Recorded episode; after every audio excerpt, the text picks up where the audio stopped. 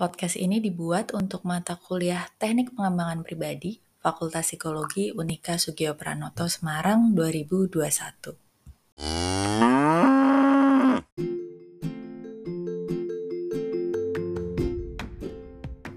Oke, halo selamat siang semuanya. Selamat datang di kelas TPP. Sorry.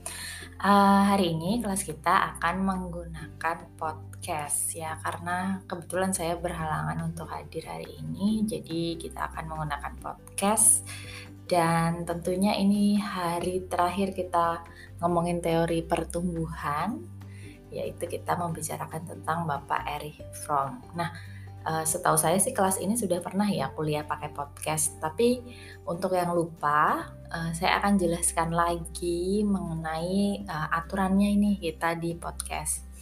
Yang pasti, ketika Anda mendengarkan podcast ini, seharusnya sudah juga mendownload materi PPT yang sudah tersedia di Cyber. Kalau seandainya belum, silahkan di stop dulu uh, terus download dulu materinya yang ada di Cyber, kemudian dibuka PPT-nya dari slide pertama. Oke, okay, slide pertama. Terus kalau udah dibuka di slide pertama, uh, kita akan bergerak apa bersama-sama untuk memindah slide setiap ada bunyi sapi seperti tadi ada bunyi sapi di awal ya. Jadi ini kita akan ada di slide 1. Tapi nanti kalau udah ada bunyi sapi berarti saya udah selesai dengan uh, slide satu terus kita berpindah ke slide yang kedua. Oh iya, podcast ini juga bisa didengarkan di Spotify loh. Bukan cuma di Spotify sih, tapi sepertinya juga di uh, beberapa platform lain yang saya nggak tahu apa gitu. Tapi silakan kalau ada platform lain selain Anchor yang memang enak untuk kalian pakai, kalian juga bisa pakai. Oke, mari kita beralih ke slide berikutnya.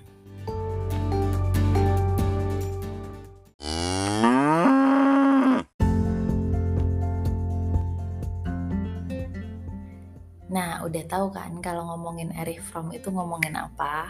Katanya ngomongin cinta gitu ya. Nah, uh, jadi hari ini mungkin kita akan banyak juga membicarakan soal cinta dan di slide kedua ini kita ngomong tentang cinta sama From atau bukan ya? uh, kalau kita ngomongin cinta, saya selalu ingat uh, guyonan dari kecil gitu ya. Uh, saya nggak tahu apakah kalian menonton film yang sama atau tidak, tapi uh, Cupat Kai itu punya quotes gitu ya. Dari dulu begitulah cinta, deritanya tiada akhir gitu ya. Kalau kalian menonton uh, serinya Sun Gokong Perjalanan ke Barat bagaimana si mantan panglima ini juga sampai didera oleh cinta. Nah, kenapa saya ngomongin gini? Karena uh, ketika kita baca uh, tulisannya From, um, dia sempat uh, apa ya menyinggung psikoanalis itu um, punya banyak um, topik yang berfokus pada hubungan romantis ya, hubungan sesama jenis atau cinta mungkin. Tapi uh, kebanyakan itu memandang itu sebagai suatu hal yang menderita atau kayak ketakutan akan kehilangan gitu. Itu yang banyak dibicarakan di psikoanalis zaman awal.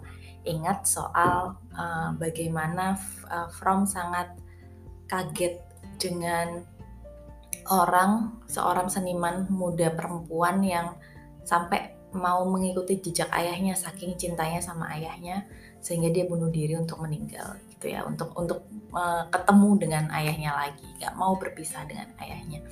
Dia memandang bahwa kebanyakan itu uh, dorongan uh, nafsu misalnya seksual ataupun keinginan untuk berafiliasi dengan orang lain itu ujung-ujungnya adalah kalau di psikoanalisis yang awal-awal tuh ujung-ujungnya ya derita lagi karena derita perpisahan gitu. Berarti psikoanalis awal itu memang menganut pahamnya sih cepat kayak ini ya, deritanya tiada akhir.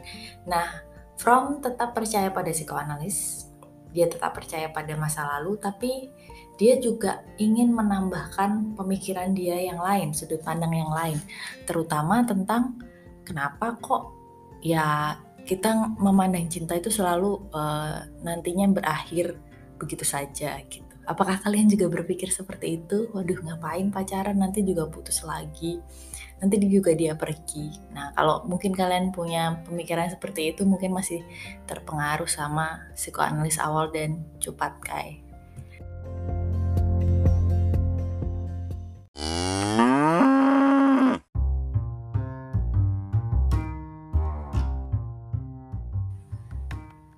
Berikutnya, sebelum kita masuk lebih dalam soal pemikiran From, kita juga perlu lihat dulu nih eh, landasan-landasan dia dan kenapa sama seperti pertanyaannya Uril minggu lalu ya, kenapa disebut psikoanalis yang humanis gitu ya, psikoanalisis humanistik. Uh, ternyata kalau kita lihat lagi backgroundnya From kan dia juga belajar sosiologi dan dia juga suka belajar hal-hal lain juga filsafat dan yang lainnya gitu. Nah uh, ilmu-ilmu sosial ini membentuk pola pikir Fromm sehingga dia juga menemukan bahwa manusia pada zaman itu ya pada 1900 uh, mungkin 30-an, 40-an gitu ya ketika dia aktif gitu. Itu dia udah melihat bahwa ada pergeseran di sini uh, di mana sebelumnya itu kita itu mengedepan, mengedepankan humanity, jadi perfection of humanity. Uh, kita berusaha untuk saling uh, menjadi pribadi yang terbaik dan saling membantu uh, sesama. Mungkin manusia zaman dulu masih primitif, masih perang-perangan, bunuh-bunuhan gitu. Tapi kadang itu juga untuk pride atau untuk um, apa namanya survival gitu ya, survival untuk kelompok-kelompok tertentu. Tapi semakin uh, majunya teknologi, maka orang-orang dan semakin banyak barang yang bisa kita buat karena manusia itu kan spesies yang bisa membuat tools, membuat barang sendiri. Nah, kita tuh jadi makin cinta sama tools-tools itu gitu loh. Jadi kita punya yang namanya perfection of things. Jadi pengen punya eh, benda-benda uh, tuh yang keren atau memuji suatu benda, memuji rumah yang mewah, memuji tas-tas yang branded misalnya gitu. Uh, yang zaman itu mungkin sudah ada sedikit gitu, apalagi zaman sekarang gitu ya itu makin banyak gitu.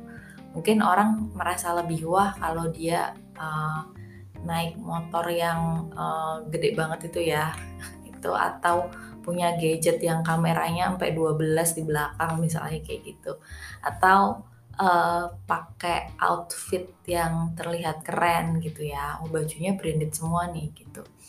Uh, From mulai melihat itu bahwa manusia mulai melupakan kemanusiaannya sendiri gitu, mulai uh, menitik beratkan pada hal-hal yang ada di sekitar kita yang uh, sebenarnya harusnya tidak jadi prioritas utama kita. Nah, Fenomena ini membuat manusia juga makin disconnect dengan nature atau dengan alam. Makin ke sini kita makin disconnect dengan alam. Siapa yang uh, tidak begitu dekat dengan alam gitu? Ya saya ngaku saya gitu ya, uh, bahwa saya juga takut ngeliat hewan-hewan macam-macam gitu ya, dan saya tidak paham soal tumbuh-tumbuhan gitu misalnya. Tapi manusia yang zaman dulu mungkin lebih dekat dengan nature, dengan alam gitu.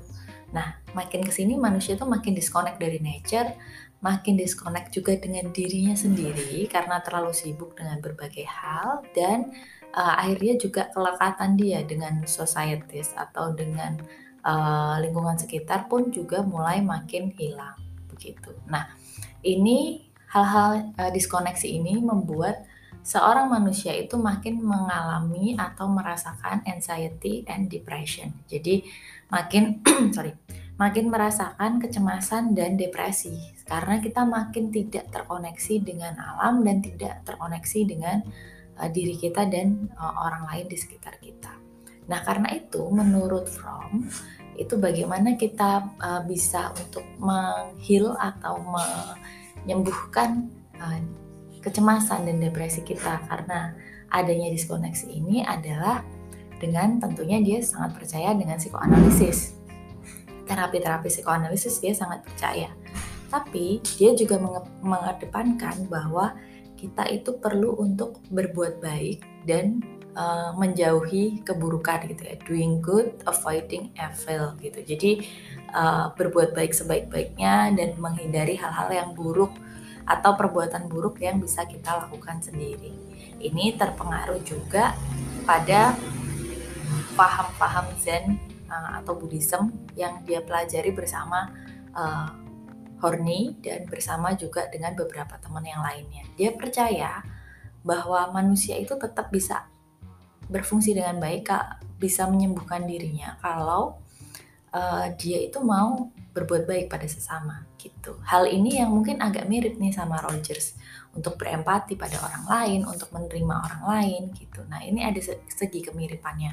Hanya From masih memegang adanya uh, psikoanalisis atau landasan-landasan untuk uh, menyembuhkan masa lalu itu masih penting. Kalau si Rogers kan udah ya udah sih gitu. Maksudnya udah langsung uh, here and now ya masa kini gitu. Tapi kalau kalau From masih mementingkan psikoanalisis dan masih sangat percaya bahwa psikoanalisis adalah obat dari uh, permasalahan-permasalahan uh, manusia. Dan selain itu, uh, From menyebutkan bahwa bahkan Freud pun berkata agama itu adalah jawaban dari uh, apa namanya agama adalah jawaban dari permasalahan-permasalahan kita gitu. Jadi bisa membantu kita gitu. Meskipun From sendiri itu kalau dilihat juga bingung loh dengan agamanya. Kita tahu dia berganti-ganti gitu. Uh, mungkin sedang mencari ini ya hidayah. sedang mungkin kalau dia orang zaman kini gitu ikut hijrah gitu ya.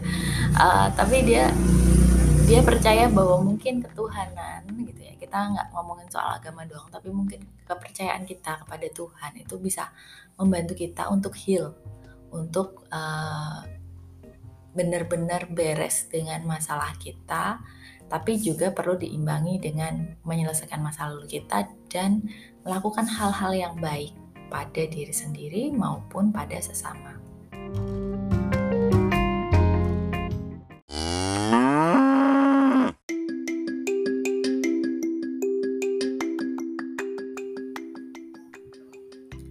Oke, berikutnya kita akan ngomongin soal orientasi manusia. Oke, uh, menurut Fromm, uh, manusia itu ada yang berorientasi untuk peluruhan dan ada yang pertumbuhan, gitu ya. Terutama ketika pandangan-pandangan psikoanalisis masih yang masih yang kuno, masih yang konservatif, gitu ya.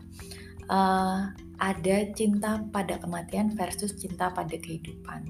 Di sindrom pertumbuhan, manusia itu lebih cinta pada kehidupannya, lebih menikmati kehidupannya gitu. Tapi ada orang yang uh, apa ya cinta pada kematian tuh bukan terus dia ingin bunuh diri terus-terusan gitu enggak, tapi uh, bahwa uh, dia itu sering merasa putus asa gitu ya, merasa um, semuanya itu ending gitu loh, semuanya akan berakhir gitu, alias ya ada endingnya, jadi tidak menikmati hidup uh, dengan apa ya lebih apa enjoy gitu. Jadi jadi hanya memikirkan pada bahwa ujungnya ini semua akan berakhir gitu. Nah uh, selain itu uh, sindrom peluruhan itu mempunyai narsisme atau cinta cinta pada diri yang ganas. Ada egoisme untuk untuk mementingkan diri sendiri. Sedangkan kalau kita bertumbuh, itu kita cinta pada manusia. Artinya kita mencintai diri kita dan kita juga tidak, tapi kita nggak arogan, nggak egois gitu. Kita juga mencintai sesama gitu. Jadi kita punya rasa peduli, uh, rasa empati pada sesama gitu. Nah, terus sindrom peluruhan itu adanya fiksasi yang insensitif simbiotis. Artinya apa? Kita udah ngomongin sedikit sih waktu kita ngomongin soal uh, perempuan seniman yang meninggal bunuh diri karena mengikuti ayahnya gitu ya. Nah itu adalah uh, fiksasi incest, incest gitu ya, rasa cinta pada orang tua yang sangat berlebihan, rasa cinta pada keluarga yang berlebihan sehingga tidak bisa untuk uh, lepas dari itu ketika kita itu melihat orang tua kita sebagai panutan kita, kita akan perlahan-lahan akan membawa orang tua kita tuh sebagai value, nilai yang kita punya gitu. Sehingga suatu saat kita akan mencerminkan value itu pada diri kita dan pada pasangan kita. Nah, itu yang seharusnya terjadi. Tapi kalau yang fiksasi incestis ini uh, kita tuh nggak bisa melepaskan figur fisiknya si bapak ibu kita gitu. Padahal kan harusnya makin gede kita nggak perlu figur fisiknya, tapi kita hanya menanamkan nilai-nilainya. Nah ini nggak nggak nggak keluar nih. Gitu.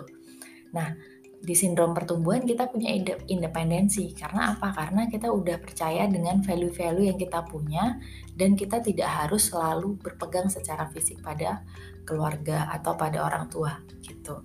Nah, jadi itu yang disebut pertumbuhan menurut Fromm. Orang yang cinta pada kehidupan, menikmati kehidupannya dan cinta pada manusia atau sesama dan dia itu independen atau uh, tidak uh, dependen pada sosok orang tua atau keluarga.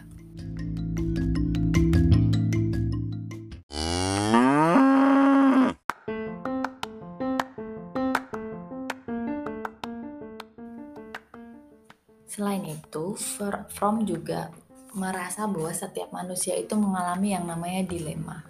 Dilema apa maksudnya? Dilema yang kita alami karena ada dikotomi atau ada dua hal yang bertolak belakang tapi kita alami sehari-hari. Dikotomi pertama adalah hidup versus mati. Di sini disebutkan bahwa kita mengetahui bahwa pada akhirnya kita akan mati, tapi kita berusaha untuk mempostulasikan hidup setelah kematian. Untuk memahami ini, kita perlu bersikap objektif dulu. Uh, kita punya kepercayaan dan agama masing-masing, tapi uh, di sini kita sedang ngomongin sains ya, maksudnya kita sedang membicarakan soal ilmu gitu ya. Uh, di sini uh, From menganggap bahwa gini, uh, kita tuh tahu gitu kan kalau semua orang itu pasti akan mati gitu ya tapi uh, ada semacam kondisi di mana uh, kita berusaha untuk membayangkan hidup uh, pasca kematian itu seperti apa. Uh, mungkin kalian akan bilang loh di, di agama kan ada yang bilang kita masuk surga kita masuk mana gitu ya. Uh, tapi kalau kita bicara sesuatu yang um, kita tahu gitu ya kita tahu ujungnya manusia itu akan mati setelah itu apakah ada surga atau tidak? Sebenarnya kan nggak ada yang benar-benar membuktikannya gitu ya. Saya bilang kayak gini terus banyak yang bilang waduh Bu Monik nih ini nih apa tidak beragama atau apa. Enggak saya cuma sedang membicarakan dari sudut pandang uh, objektif saja dari sudut pandang ilmiah bahwa memang yang kita tahu adalah one day kita akan mati gitu kan. Nah, uh, banyak hal kepercayaan dan agama yang mempostulasikan hidup setelah kematian itu seperti apa gitu. Dan kadang kita juga uh, melakukan sesuatu dalam hidup kita agar hidup kita setelah kematian besok itu lebih baik. Ya nggak? Kamu melakukan hal yang baik sekarang biar besok dapat pahala, misalnya seperti itu. Kita berusaha menghindari hal buruk biar besok tidak didera neraka gitu ya, atau enggak masuk api pencucian misalnya kayak gitu. Um, itu adalah hal yang berusaha untuk manusia wujudkan gitu. Ya kita kan nggak tahu, memang di kitab tertulis seperti itu gitu. Tapi siapa tahu waktu kita mati, mungkin Tuhan berubah pikiran terus bilang, oke okay, aku kasih giveaway semua masuk ke surga misalnya loh Tuhan tapi dia bunuh orang. Lah kan suka-suka Tuhan gitu kan ya. Mau mau mengampuni semua orang juga boleh gitu kan. Jadi uh, kita tidak tahu sebenarnya rumusan yang yang sesungguhnya. Tapi memang kita berusaha untuk mempostulasikan hidup setelah kematian untuk apa? Ya untuk agar kita tuh bisa hidup lebih baik juga gitu. Sebenarnya uh, intinya bukan di hidup setelah kematiannya tapi di hidup kita saat ini juga. Itu bisa bisa lebih baik atau enggak sebenarnya kan dampaknya juga di situ kan. Kamu melakukan hal baik itu kan juga mempengaruhi uh, kehidupanmu di sekitar gitu. Nggak usah mikirin besok dapat pahala atau enggak gitu. Itu kan kayak kayak uh, anak TK ya uh, ber, uh, melakukan sesuatu biar dapat reward. Nah, seharusnya kan kita nggak terlalu mikir kita akan dapat reward atau enggak gitu. Sama manusia sesama manusia ya berbuat baik aja. Mau nanti dikasih reward atau enggak gitu.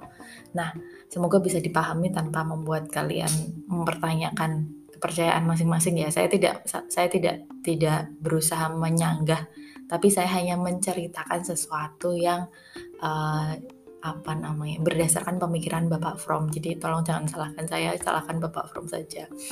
Oke, okay, dikotomi kedua adalah realisasi diri versus waktu. Jadi kita tuh uh, pengen mencapai realisasi diri gitu ya. Yang ngetren di tempat uh, usia kalian adalah udah umur segini kamu udah ngapain? Gitu kan. Uh, itu adalah keinginan kita. Wah besok aku pengen jadi presiden nih kalau udah besar. Atau aku ingin uh, punya uh, bisnis yang bagus. Aku ingin jadi psikolog aku ingin jadi ini. Tapi kita sadar umur kita tuh terbatas gitu. Coba kita bandingkan semua hal yang kita inginkan dengan waktu yang kita punya dan dikurangi ini ya uh, waktu tidur dan rebahan gitu ya kan itu berarti tidak bisa mewujudkan mimpi. Nah uh, kita sadar bahwa uh, kita itu banyak sekali keinginan tapi waktunya tuh terbatas karena mau nggak mau suatu saat kita akan meninggal gitu kan. Nah ini yang membuat manusia dilema dan ingin mengejar begitu tapi belum tentu bisa. Nah dikotomi yang ketiga mungkin ini waktu pandemi kali ya sering terasa sendirian versus isolasi. Uh, saya pikir hampir dari semua dari kita itu pernah ngerasa bahwa kita ingin sendirian dulu. Kayak um, apa namanya aku nggak mau diganggu ah atau aku lagi bosen nih kumpul-kumpul terus aku pengen sendirian aja. Tapi terus nanti waktu lagi sendirian terus lihat sosial media loh si A kumpul sama si B kok aku nggak diajak nih gitu. Nah itu adalah sendirian versus isolasi kamu ingin sendirian, tapi ketika kamu dibolehkan untuk sendirian, kamu kemudian ngerasa, loh kok teman lain main gitu, aku diisolasi ya, aku di di di apa namanya, ditolak ya dari lingkungan gitu. Jadi itulah uh, dilemanya manusia, bahkan dengan dirinya sendiri gitu, bahwa kita ingin sendirian tapi kita juga takut sendirian. Ketika dia, ketika kita sedang bersama dengan orang, kita mungkin akan menemui uh, sedikit konflik atau perbedaan yang membuat kita ingin sendiri. Tapi itu nggak berlangsung lama. Nah hal ini yang menjadi isu-isu uh, dari manusia dan kita tuh terus-terusan berusaha untuk memecahkan permasalahan ini. Kita selalu untuk mencari-cari jawabannya tuh gimana sih biar hidup kita tuh bisa enak gitu. Kita nggak nggak terlalu mikirin uh, kematian nggak terlalu mikirin waktu kita yang pendek nggak terlalu mikirin kok kita ditolak sosial gitu. Gimana sih caranya biar kita bisa lepas dari dilema-dilema ini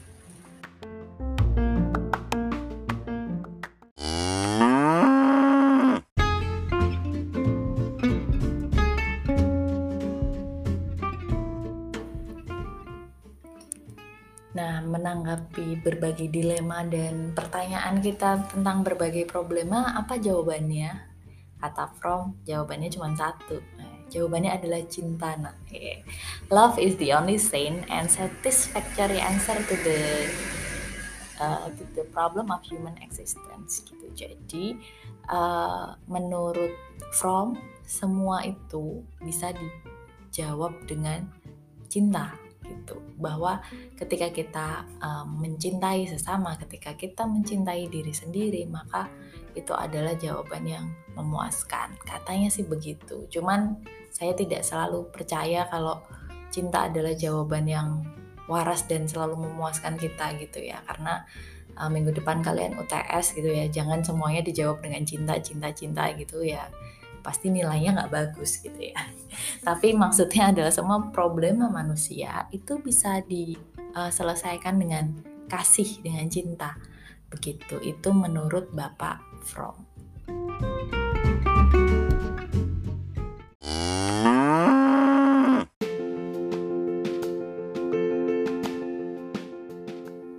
Oke, sebelum ngomongin bahwa cinta adalah selalu jadi jawabannya, kita perlu definisi dulu apa sih uh, cinta itu gitu. Kadang orang merasa cinta itu sesuatu yang natural, yang uh, ya ada daya tarik antara seorang dengan orang lain, ada rasa senang gitu. Tapi sebenarnya itu cinta-cinta seperti itu adalah cinta monyet, nah gitu ya. Itu bukan bukan cinta yang sesungguhnya. Tapi menurut From cinta itu membutuhkan adanya disiplin gitu ya. Ada ada ada kesidisiplinan ada konsentrasi ada fokus pada hal tersebut. Ada patience ada kesabaran ada faith ada kepercayaan dan overcoming of narcissism gitu. Artinya apa? Ini kita ngomongin hubungan dengan pasangan dulu deh. Misalnya ada hubung uh, orang berhubungan eh, uh, dengan pasangan gitu ya. Kemudian dia mengaku dia mencintai pasangannya. Ada nggak disiplinnya? Disiplin dalam artian dia melakukan sesuatu dan konsisten gitu, berkomitmen gitu-gitu. Ada nggak? Ada nggak konsentrasi? Ada nggak dia ngasih perhatian uh, pada ke keinginan pas pasangannya? Ada nggak kesabaran kalau pasangannya itu salah gitu? Dan ada nggak kepercayaan bahwa pasangannya itu akan berlaku hal yang baik gitu loh. Ada ada kepercayaan atau bahwa pasangannya itu nggak akan selingkuh atau apa pun. Dan ada nggak the overcoming of narcissism? Ada nggak uh, apa namanya ke keyakinan atau sorry kondisi bahwa ketika kita mencintai itu bukan sekedar untuk kita memuaskan apa yang kita inginkan tapi juga um, mengerti apa yang diinginkan oleh pasangan gitu. Jadi uh, apa namanya bukan sekedar oh aku tuh memang harusnya diperhatiin, oh aku tuh memang harusnya seperti ini, aku harus punya ini, aku harus punya itu gitu. Hanya memenuhi checklist-checklist yang ada. Nah, itu kan narsisisme kita. Kita maunya gini, kita maunya gitu. Padahal dalam suatu hubungan dengan orang lain pasti ada perbedaan. Nah, bisa nggak sih kita uh, apa namanya mengatasi perbedaan itu dan tidak mementingkan diri sendiri saja. Nah, makanya From bilang, cinta itu bukan sekedar perasaan gitu, tapi adalah suatu praktis gitu. Jadi uh, kalau orang ngomong cinta tapi cuma ngomong-ngomong doang cinta, yaitu namanya gombal ya enggak. Tapi kalau dia juga menjalaninya gitu, dia melakukannya, menunjukkan kedisiplinan, perhatian dan bahkan mau uh, melepaskan rasa cinta diri yang terlalu berlebihan itu, baru itu yang dibilang uh, sebuah cinta gitu. Jadi jadi sulit sulit sampai saya salah ngomong. Jadi sulit ya untuk uh, benar-benar menyatakan cinta itu apa gitu. Kalau misalnya kita masih terutama yang terakhir ya yang overcoming narcissism kita masih mencari pasangan itu hanya untuk menyelesaikan isu-isu yang ada dalam diri kita kemungkinan kita belum berhasil untuk overcome narsisisme kita.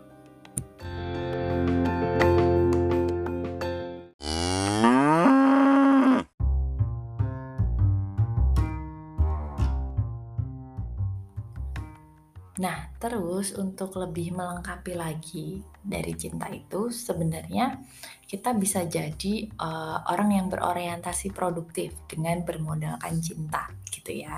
Jadi akan ada hasil nyata dari sesuatu dengan bermodalkan cinta, tapi ternyata modalnya bukan cuma cinta doang, harus ada kerja dan ada penalaran begitu. Jadi ketika kamu mau menghasilkan sesuatu yang terbaik, kamu harus mempunyai uh, rasa bahwa uh, kamu uh, enjoy dengan itu, kamu menikmati itu, tapi kamu juga punya penalaran. Apakah hal ini baik atau enggak buat saya?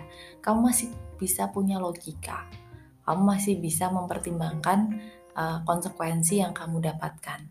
Dan di sisi lain kamu tetap bekerja alias berperilaku alias bisa menunjukkan perilaku-perilaku yang baik gitu ya. Jadi itulah orientasi produktif. Ketika kamu bilang kamu suka di bidang psikologi, apakah kamu uh, hanya mencintai tapi tanpa ada penalaran? Misalnya bahwa uh, kamu cuma suka psikologi tapi kamu tidak menalar bahwa sebenarnya kamu tuh sangat-sangat lebih pintar di bidang lain gitu ya. Dan bahkan kerjanya atau bahkan ketika mengerjakan tugas-tugas kamu tuh malas-malesan di bidang psikologi tapi di bidang lain kamu sangat senang gitu nah ini uh, ini adalah orientasi produktif. Harusnya kita punya ketiganya. Kita punya logika kita atau penalaran kita punya cinta atau rasa dan kita punya kerja atau perilaku gitu.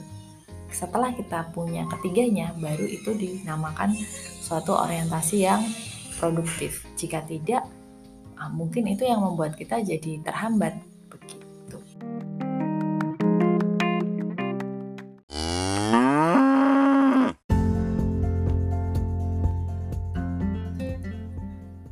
Lalu seperti apa sih manusia yang dianggap sebagai pribadi yang sehat kalau menurut Fromm? Kita lihat ya, ada enam sih uh, kriteria pribadi yang sehat kalau dari Fromm. Yang pertama adalah makhluk sosial dalam masyarakat, artinya dia bisa membaur dengan masyarakat atau komunitas yang ada di sekitarnya. Lalu selain itu adalah mencintai dan dicintai. Orang yang bisa mencintai orang lain dan dicintai orang lain ada orang yang mungkin lebih suka dicintai orang lain tapi dia tuh pelit gitu loh untuk mencintai orang lain gitu. Dan uh, berikutnya adalah mempercayai dan dipercayai tanpa memanipulasi. Jadi kamu bisa mempercayai orang kamu tidak punya trust issues dan kamu bisa dipercayai dan kamu nggak memanipulasi itu. Dipercayai dalam artian sesederhananya gini. Misalnya uh, ibumu itu sering nitip belanja gitu ya misalnya. Nah, kamu kalau pergi nitip lah ke Indomaret beli ini gitu. Tapi ibu nggak tahu harganya berapa gitu. Nah uh, dan ibumu tidak pernah memeriksa nota atau apa gitu kan. Kamu beli uh, dan kamu tahu itu apakah kamu akan misalnya kamu dikasih uang 100 ribu ternyata itu uh, harga yang dititipin 88 sekian gitu ya tapi ibumu taunya itu bahkan bisa 100 ribu lebih gitu misalnya.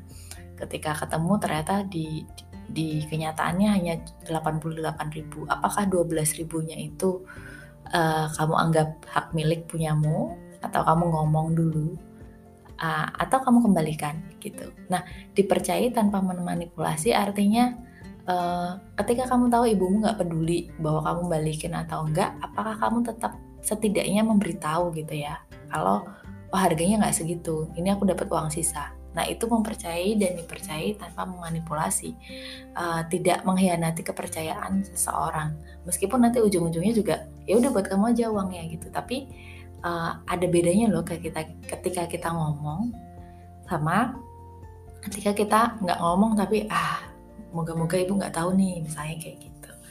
Nah selain itu adalah hidup bersolidaritas tanpa syarat yaitu kita bisa uh, menjadi kelompok bagian dari kelompok gitu tanpa kita terlalu menuntut kelompok itu punya syarat tertentu. Lalu menjaga jarak dengan masyarakat tanpa merusak. Orang itu pasti ada keinginan untuk menyendiri, tentunya itu ada gitu. Tapi bisa nggak sih kita menyendiri tapi nggak merusak gitu. Jadi kita punya jarak, kita nggak terlalu berbaur, kita berbaur dalam uh, porsi yang pas. Kita juga punya uh, privasi kita sendiri Nah, yang terakhir adalah memiliki watak sosial yang produktif. Mohon maaf ada sedikit distraksi. Banyak banget ya distraksinya ternyata bukan cuma sedikit.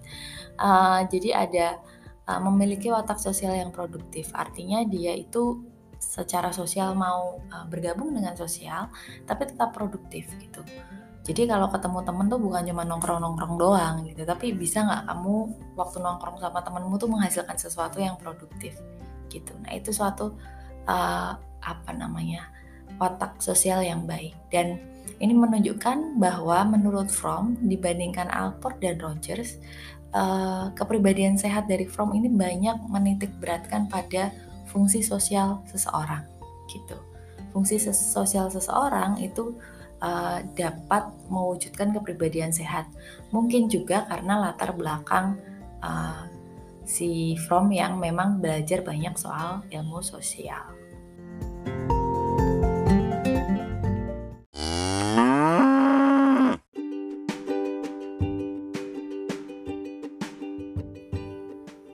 Nah, pandangan kepribadian sehat dari From yang banyak uh, apa namanya mengkaitkan kita dengan lingkungan sosial dengan orang lain itu uh, menjawab juga salah satu pertanyaan yang mungkin sering muncul di di dalam diri kita. Kenapa sih ada orang yang uh, bahasa kasarnya mungkin bermental pengkhianat gitu ya?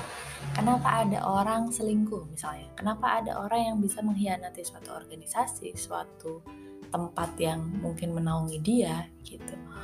Uh, kita tahu bahwa From bilang kepribadian sehat itu terkait dengan uh, bagaimana fungsi kita dengan orang lain di sekitarnya. Dan menurut From, sepertinya itu adalah cerminan dari apa yang terjadi pada diri kita, gitu. Jadi uh, dia bilang only a person who has faith in himself can be faithful to others. Hanya orang yang punya kepercayaan penuh pada dirinya bisa menjadi orang yang uh, bisa dipercaya atau faithful gitu ya setia pada orang lain juga gitu. Jadi ketika seseorang bersikap tidak setia jangan-jangan yang masalah itu adalah dirinya sendiri gitu. Dia punya masalah dengan dirinya sendiri. Sehingga kalau kita punya masalah dengan diri kita sendiri uh, mungkin kita juga bisa melakukan hal-hal yang uh, tidak sesuai dengan norma sosial. Nah, ini uh, landasan psikoanalisnya di sini nih, bahwa cerminan diri, cerminan apa namanya, apa yang terjadi pada orang lain, apa yang kita berikan pada orang lain adalah suatu um, apa namanya cerminan pada apa yang terjadi di dalam diri kita.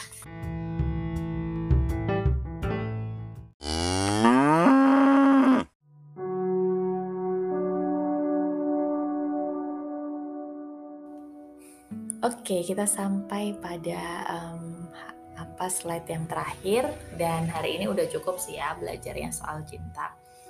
Um, lalu, lalu apa? lalu kita akan menyambung dengan diskusi ya kita akan berdiskusi bersama uh, dan saya hal yang paling menarik bagi saya adalah terkait orientasi produktif tadi di slide ke-8 ya uh, yang uh, menyatakan bahwa kita tuh bisa kayak produktif, bisa berorientasi jadi lebih produktif karena ada cinta, ada kerja dan ada penalaran. Jadi cinta aja nggak cukup gitu ya, perlu ada uh, akal sehat dan juga ada uh, bukti nyata begitu. Nah sekarang coba kalian lihat diri kalian masing-masing. Entah dalam berhubungan dengan orang lain, dengan keluarga, teman, uh, pacar, atau dengan tetangga atau siapa pun gitu atau ketika kalian melakukan sesuatu uh, misalnya kalian punya hobi mengoleksi sesuatu uh, atau main musik atau olahraga atau ngerjain tugas-tugas psikologi misalnya apa atau siapa sih yang bisa membuatmu tuh punya orientasi produktif gitu punya kerja, penalaran, dan cinta. Jadi apa atau siapa yang bisa membuatmu seperti itu? Misalnya uh, kalau semua yang berkaitan dengan pacar saya, saya tuh pasti bisa tiga-tiganya ada. Saya bisa ada logika, saya bisa tetap kerja produktif gitu ya. Saya juga merasakannya dengan penuh cinta. Atau mungkin ada yang punya hobi, misalnya hobi saya berenang bu gitu. Saya kalau kalau uh, kuliah mungkin kadang saya malas-malesan meskipun saya suka psikologi sama teman juga kadang-kadang saya mungkin hilang akal sehat gitu ya karena uh, apa namanya mungkin sering ketipu temen atau terbawa perasaan misalnya gitu. Tapi ketika saya berenang saya bisa saya enjoy gitu ya. Saya juga uh, rajin berlatih misalnya itu kerja ya kan. Terus ada penalaran misalnya saya tahu kemampuan saya gitu. Saya nggak yang ambisius banget gitu. Misalnya uh, saya pernah ikut kompetisi tapi saya tahu saya tuh levelnya di kompetisi yang ini nggak sampai yang lain. Nah berarti itu adalah penalaran. Kamu masih bisa punya akal sehat nggak terlalu ambisius nah, atau sesuai lah sama kondisimu. Nah kira-kira apa atau siapa yang membuatmu bisa punya orientasi produktif itu? Coba sekarang kalian pikirkan dan kalian cari tahu lalu tuliskan di forum diskusi sama kayak kemarin saya akan bikin per kelompok forum diskusinya masuklah ke kelompokmu terus kasih tahu apa atau siapa yang membuatmu uh, apa namanya punya orientasi produktif dan jelaskan alasannya. Alasannya apa? Gitu. Uh, misalnya psikologi nih yang membuat saya uh, punya orientasi produktif karena saya tuh benar-benar menikmati mencintai di psikologi terus saya juga bisa menalar dengan baik gitu. Saya juga mengerjakan tugas-tugasnya dengan baik misalnya itu alasannya. Mungkin bisa lebih panjang lagi alasannya tapi saya saya ingin mendengarkan alasan kalian. Kalau kalian ingin mengkomen punya temannya boleh sangat diperbolehkan gitu. Tapi yang paling wajib adalah ngepost punya kalian sendiri. Begitu ya? Oke jadi itu tugasnya. Terus jangan lupa besok hari Senin kita UTS ya.